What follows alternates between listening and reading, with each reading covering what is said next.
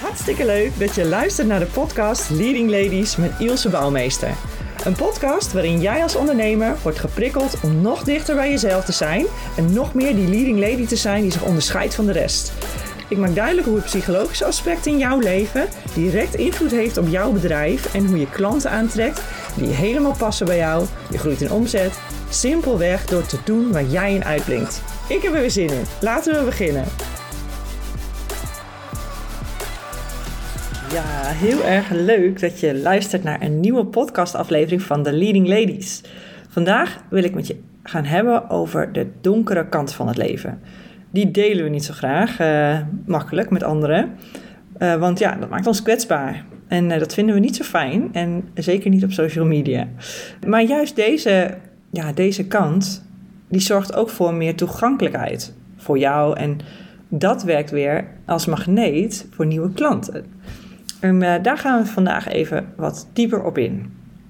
Allereerst even hoe het mechanisme werkt. Want we hebben in ons leven allemaal manieren eigen gemaakt hoe we met lastige situaties omgaan. En in de psychologie noemen ze dat kopingsmechanismen of copingstijlen. Um, dus daar zal ik het vast nog wel vaker met je over hebben. Je kunt bij jezelf ook wel nagaan wat jouw neiging is. Want als ik bijvoorbeeld aan het krachttrainen ben en mijn spieren verzuren, dan, ja, dan wil ik het liefst eigenlijk er direct mee stoppen. Want ik vind het niet zo'n fijn gevoel.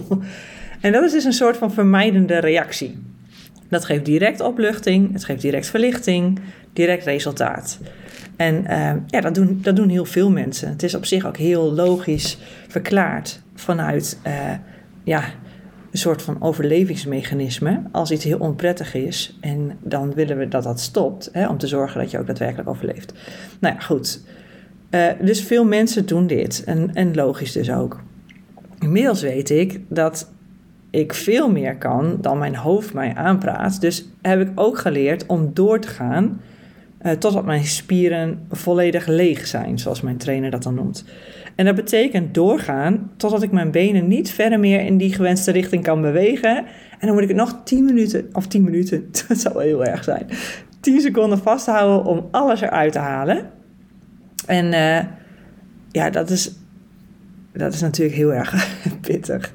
En die eerste 10 keer dat ik ging trainen bij hem, ja, heb ik daar echt mee geworsteld. Daar heb ik gewoon een weg in moeten vinden. Want dat is niet iets wat je, nou ja, wat je automatisch aankomt waar. Je moet dus echt moeite doen om daar doorheen te breken. Nou, en dat geldt natuurlijk ook voor andere moeilijke momenten. Dus als je bijvoorbeeld ziek wordt, maar je moet toch nog voor je kinderen zorgen. Um, of als als ik bijvoorbeeld echt even niet lekker in mijn vel zit en met liefde terugtrek in, in mijn eigen uh, bubbel, zeg maar. En de hele omgeving, dus mijn man, mijn kinderen, uh, ouders, uh, vrienden en werk, willen toch nog heel veel van me. Nou, dan kun je me opwegen. Zo leuk vind ik dat niet. En dan kom je dus ook je eigen grenzen tegen. En ja, mensen maken zich dus verschillende manieren eigen om daarmee om te gaan. Uh, inmiddels heb ik ook geleerd dat ik om hulp mag vragen. Dat is dus ook een belangrijke vaardigheid. En dat ik niet alles alleen hoef te doen.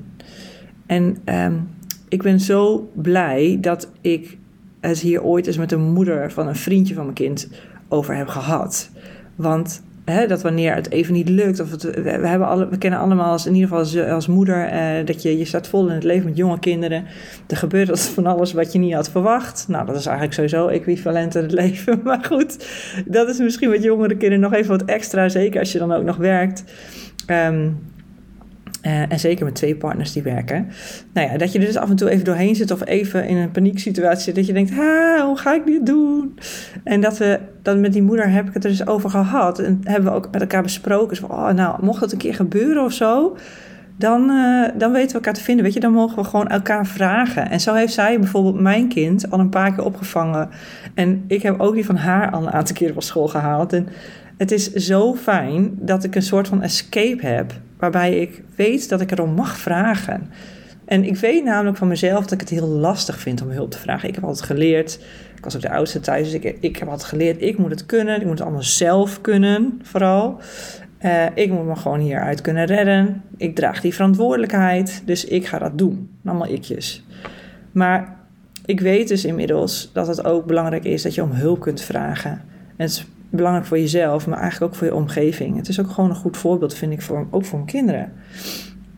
Nou, er zijn ook nog uh, zogenaamde palliatieve manieren om de pijn van het moeilijke moment te verzachten of te omzeilen. dus die, die, die kun je ook bijvoorbeeld toepassen. Hè? Ik noem maar wat. Shoppen is mijn favoriet. Vind ik heel erg leuk. Online. Nou, fysiek vind ik nog steeds het leukste. Maar bijvoorbeeld ook uh, Netflixen of lekker scrollen op je telefoon. Dat soort zaken. Zeg maar van die neigingen waar je dan veel te veel tijd aan besteedt. Terwijl je eigenlijk weet dat je wat anders hebt te doen. En dan, ach ja, ineens heb je geen tijd meer. Ja, ja. Dat, uh, nou, die, zeg maar. En, uh, maar de meest effectieve manier, zeg maar, van omgaan met hele lastige situaties, is juist actief aanpakken. En dat betekent eigenlijk dat je, um, dat je recht op het ongemak ingaat. Dus dat je direct ermee dealt. Je gaat erop af in plaats van ervan weg. En het kan zijn dat je dan merkt dat je, dat je dan nou, dat, dat je dat aan wil gaan, maar dat het niet alleen uh, lukt om het op te lossen. En je kunt dus inderdaad, zoals ik net al zei, zelf om, hulp vragen bij anderen. En misschien heb je ook wel dat je bijvoorbeeld denkt: oh, deze situatie, oh, nou, bijvoorbeeld noem maar iets met websitezaken. Oh, dan moet ik even bij die zijn. Ik weet dat mijn broertje me daar veel beter mee kan helpen dan dat ik dat zelf kan. Dus dan kan ik beter diegene inschakelen van ik weet, die kan dat goed. En die heeft het zo met een knip gedaan. Dus Um, nou ja, dan, dat zijn dus ook manieren waarop je dan weet van hé, hey, zo kan ik dat doen. Zo kan ik er makkelijk en snel doorheen komen.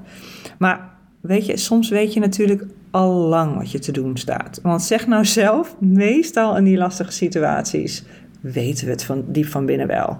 En zeker de leading lady die al wat reflectie heeft mogen doen in haar leven, Um, het punt is, we gaan het liefst gewoon zo snel mogelijk van het ongemak weg. Um, ik, ik, doe, ik ben daar zelf natuurlijk net zo debet aan als iedereen, hè? even voor de helderheid. Ook ik uh, ontkom dan, daar niet aan, die neiging. Um, maar ik blijf mezelf wel trainen om er juist naartoe te gaan. Zo had ik laatst bijvoorbeeld een van mijn klussen als uh, GZ-psycholoog in het onderwijs, had ik te maken met een collega die op een heel onplezierige manier communiceerde met me en um, een paar keer daarmee over mijn grenzen ging. En ja, dan geeft me eigenlijk zelf direct een por om dit te gaan bespreken. Dus dat hebben we ook gedaan. En was dat makkelijk met die collega? Nou, nee, niet bepaald. En zeker in het begin was het ook niet een heel makkelijk gesprek. Hoewel ik wel altijd dan start met iets positiefs. Want ik, ik, ik weet wel dat degene met wie ik bots, um, dat het vaak op langere termijn, als ik daar gewoon goed in investeer, de mensen zijn met wie ik het liefste samenwerk. Want uiteindelijk, als je dingen echt uitpraat, um, dan leer je ook veel meer van elkaar kennen. En leer je vaak ook weer wat schaduwkanten van jezelf kennen. Nou, dat is wel weer voor een andere podcast. Daar kom ik later nog een keer op terug. Maar um, maar dit werkt dus wel. En um, ik blijf dus ook in het gesprek zoeken naar de verbinding. En met mezelf en de ander. Want ik wil enerzijds aangeven wat het met me deed. Maar aan de andere kant wil ik ook luisteren naar wat de reden was dat die collega op die manier communiceerde. En um, het is daardoor een stuk helderder, zeg maar, hoe we elkaar kunnen vinden. Ik verwacht ook dat het samenwerken daardoor nu een stuk makkelijker gaat met die persoon. Het is dus vaak helemaal niet zo'n prettig gevoel. Maar je zult zien dat wanneer je hier meer, ja, dat je hierop afgaat. En ook als je er meer openheid over geeft, dat mensen jou ook beter gaan begrijpen. En ze voelen ook meer herkenning wanneer je hierover durft te delen. Dus dat is dan ook weer de, de achterliggende kern waarmee we de podcast ook, waarmee ik de podcast startte. We willen namelijk allemaal gezien worden en gehoord worden als mens. Dus wanneer je ook tot die kwetsbare kant kunt komen, dat je die kunt delen met anderen, dan zullen mensen zich ook meer aangesproken voelen tot jou. En ze ervaren dan dat jij zicht hebt op hoe zij zich voelen. En dan komen ze ook graag bij je. Ze vertrouwen je daar dan mee. Dus ja, wellicht begrijp je nu ook uh, dat wanneer je die pijnlijke situaties kunt delen, je ook dus meer klanten aan kunt trekken. Want uiteindelijk gaan mensen aan op mensen en niet op een mooi plaatje. Want dat is leuk en het oogt ook professioneel. Maar als er achter die mooie plaatjes geen inhoud zit, ja, dan, dan kom je er niet. Dus wees jezelf. Laten we alsjeblieft meer delen over wat we moeilijk vinden. Uh, bijvoorbeeld die vervelende teksten schrijven. Ik ben echt beter in praten dan in schrijven. Maar goed, dat heb ik dus wel gewoon af en toe te doen hè, in mijn bedrijf. Dus dat is gewoon zo. En dan, nou, dan deel ik dat dus toevallig met een collega-ondernemer. En dan hoor ik dat zij precies hetzelfde heeft. En toevallig daar ook net mee bezig is. Nou, oh, dat vind ik zo lekker, die erkenning. Gedeelde smart is halve smart. En uh, ja, ik voel me daardoor ook direct gesterkt.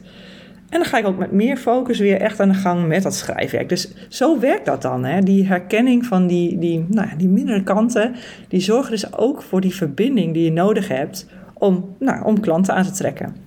Dus laat ook af en toe even dat mooie masker eens zakken, mooi mens. Want die echtheid, die siert je nog veel meer. Uh, in ieder geval, zo sta ik in het leven. Dus ja, mocht je nou eens even vastzitten in zo'n lastige situatie en wil je wat ondersteuning om daar door te komen.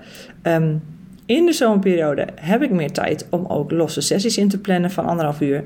En uh, ja, in no time zie ik je krachten en belemmeringen en help ik je er doorheen. En als je ervoor open staat, kan ik ook met de biotensor wat blokkades weghelpen.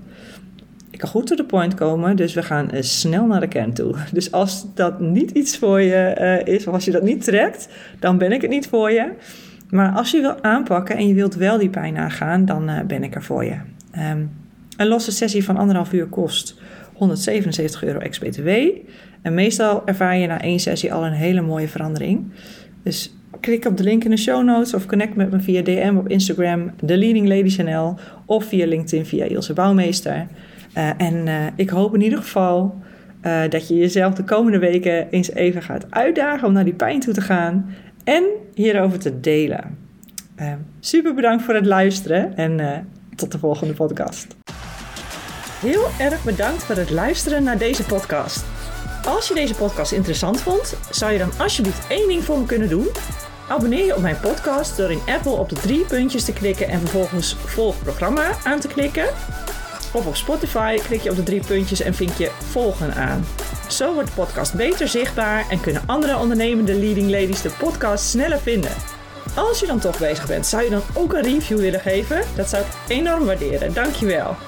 Als je wilt reageren op de podcast, zoek me dan even op op LinkedIn en stuur me een berichtje. Daar ben ik het meest actief. Het is nogal eenzijdig zenden als uh, podcastmaker, dus berichtjes ontvangen vind ik erg fijn. Je kunt me vinden onder mijn naam Ilse Bouwmeester. Nogmaals bedankt voor het luisteren en tot de volgende podcast.